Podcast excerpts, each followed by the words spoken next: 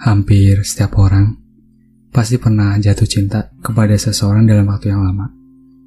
Bahkan sampai dia pergi pun, kadang rasamu ke dia masih ada. Pernah gak sih kamu ada di posisi kayak gini? Atau jangan-jangan malam ini kamu lagi rindu sama dia? Sebelumnya teman-teman apa kabar? Semoga selalu dalam kebahagiaan ya. Yang lagi sedih, Semoga lekas pulih. Selamat datang di podcast Awas Baper. Gak apa-apa baper. Yang penting, tahu waktu dan tempatnya. Emang sakit ya? Kalau diri kita nggak bisa move on dari masa lalu. Entah itu soal rasa, atau mungkin soal diri kita yang dulu lebih baik dari sekarang. Rasanya susah buat nerima semuanya. Ibaratnya kayak kita tuh berada di sebuah kereta yang kereta ini melaju dengan cepat yang kita nggak tahu ke mana kereta ini akan pergi. Dan ketika kereta ini ternyata pergi ke tempat yang sama sekali nggak kita tuju, ya kita nggak mungkin bisa kan nyuruh kereta ini buat kembali. Karena kereta ini pasti akan terus berjalan. Ya walaupun gak ada hubungannya tapi kita tuh kayak lagi di kereta gitu loh. Kita nggak bisa kembali ke titik di mana kita memulai. Kita nggak bisa ngendaliin kereta ini ke arah yang kita mau. Dan dengan terpaksa ya, kita harus bisa menerima semuanya. Emang terasa berat sih, tapi perlahan. Pasti kita bisa kok buat beradaptasi. Mungkin sampai saat ini, kamu masih suka sama dia. Masih cinta, masih suka kangen. Atau mungkin Rasa sakit yang dia berikan masih begitu membekas sampai akhirnya kamu jadi gak bisa lupa sama dia. Tapi kamu sadar gak sih? Mungkin semua hal yang telah terjadi padamu yang akhirnya bikin kamu jadi sosok yang kuat. Ya kuat menghadapi semesta yang kadang gak memihak sama kita. Dan kadang kita juga butuh rasa sakit itu agar kita juga tahu gimana rasanya bahagia Coba kamu bayangin kalau misalkan kamu gak pernah sedih, gak pernah patah hati, ada sesuatu yang menyenangkan, kamu pasti bakal ngerasa biasa aja gitu kan. Jadi kayak monoton gitu.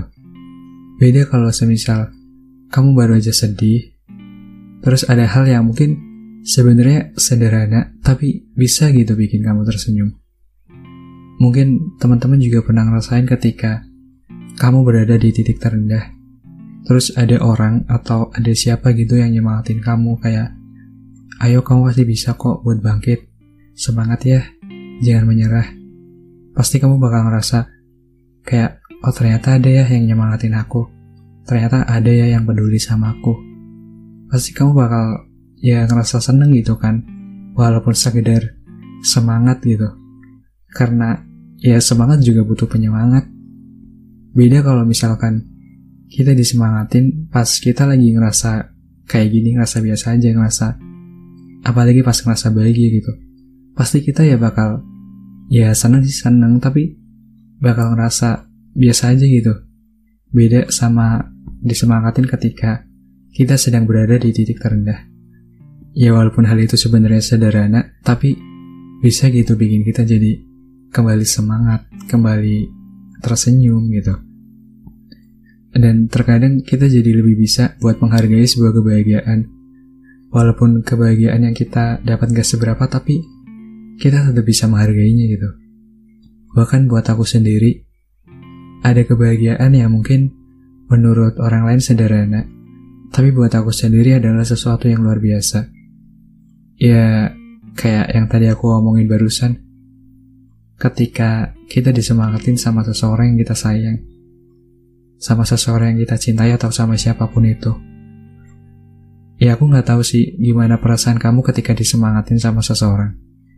Tapi kalau buat aku sendiri, jujur aku tuh seneng banget kalau misalkan disemangatin sama seseorang.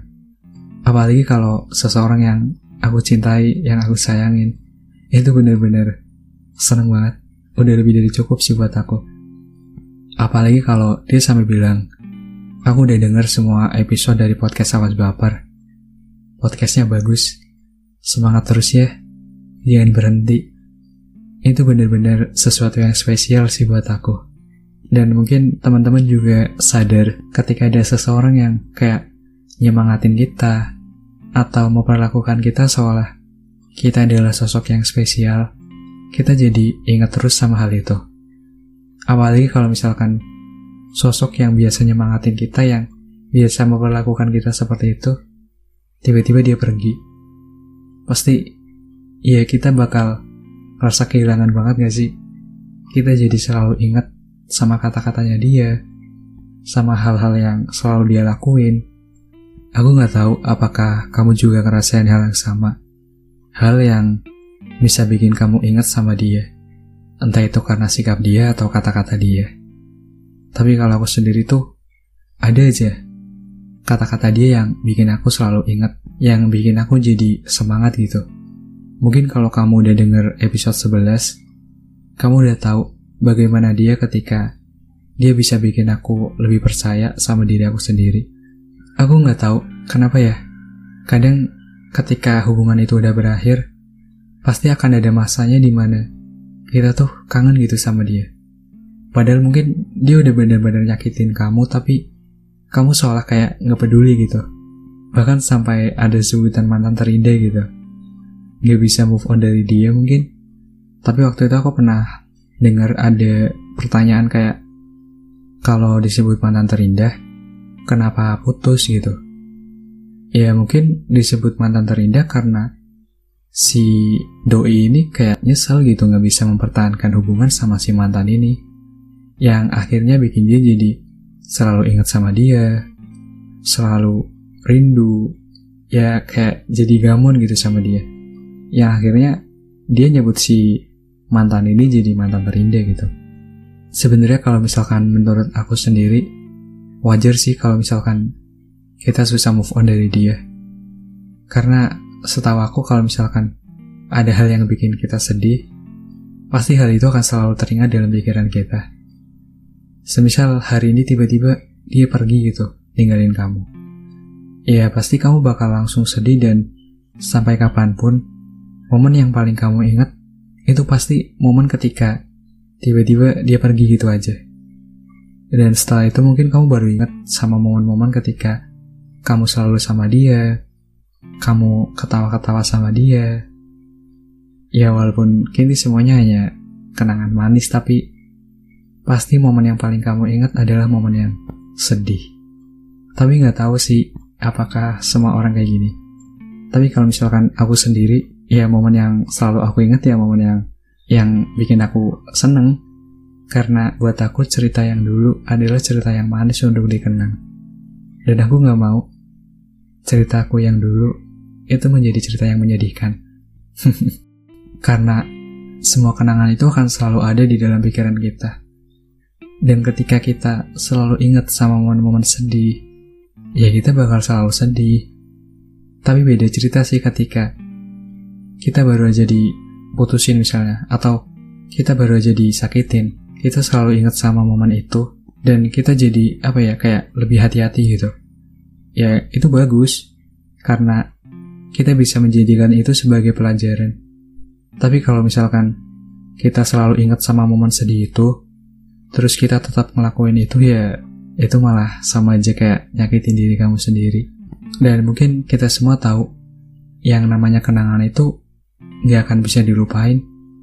Semua kenangan itu akan selalu ada di dalam pikiran kita. Walaupun kita udah lupa pasti akan ada masanya ketika kita tiba-tiba inget sama kenangan yang dulu pernah kita lalui bersama dia. Karena sebenarnya ini bukan soal melupakan atau soal ngelupain kenangan yang dulu pernah kita lalui. Tapi ini soal bagaimana sikap kita ketika kita tiba-tiba ingat sama dia. Karena melupakan seseorang itu hal yang mustahil gak sih? Daripada kita berusaha keras buat gak ingat sama dia, kenapa kita gak berusaha buat nyikapin perasaan kita ketika tiba-tiba ingat sama dia? Apakah nantinya kita akan bersedih? Atau kita sudah bisa ngiklasin dia? Karena ketika kita udah berusaha keras buat ngelupain dia dan kita udah bisa ngelupain dia, terus tiba-tiba ketemu di jalan atau ngeliat foto dia, ya kita bakal inget lagi Dan semua usaha yang kamu lakukan buat melupain dia jadi hal yang sia-sia gak sih?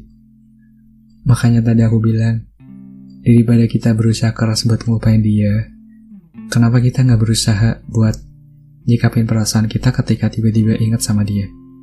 Semua itu butuh proses dan aku yakin kamu pasti bisa kok ngelewatin semua proses yang akan kamu hadapi. Kalau semisal kamu udah bisa move on, pasti kamu bakal ngerasa jauh lebih lega dan ingat ya, move on itu bukan perihal balas dendam. Bukan juga tentang siapa yang paling cepat dapat menanti. Tapi move on itu tentang bagaimana kamu bisa berdamai dengan diri kamu sendiri. Jangan malah jadiin orang lain buat ngelupain orang lain. Karena gimana kamu mau nulis cerita yang baru ketika ceritamu yang dulu masih selalu ada di dalam pikiran kamu. Kamu juga gak mau kan cerita itu jadi cerita yang sama untuk kedua kalinya. Gak apa-apa kok sendiri dulu. Biar kamu juga bisa makin cinta sama diri kamu sendiri. Karena gimana kamu bisa cinta sama orang lain? Kalau kamu belum bisa cinta sama diri kamu sendiri. Kalau semisal kamu masih suka nyesek pas lihat dia sama orang lain, artinya kamu belum bisa ngiklasin dia. Tapi kamu harus yakin, perlahan kamu pasti bisa kok ikhlasin dia. Gak selamanya masa lalu harus dilupain. Mungkin akan lebih baik ketika kamu bisa berdamai dengan masa lalu itu. Karena masa lalu yang kelam, mungkin yang menjadikanmu sosok kuat yang seperti saat ini. Ya udah, sekian dulu ya episode malam ini. Terima kasih sudah berkenan dengar. Terima kasih karena tidak pernah bosan mendengar suaraku. Kalau ada apa-apa, kamu bisa DM ke Instagram podcast sahabat baper atau ke Instagram podcast eh Instagram Rido J14. Ya udah. Selamat malam dan sampai bertemu di episode selanjutnya.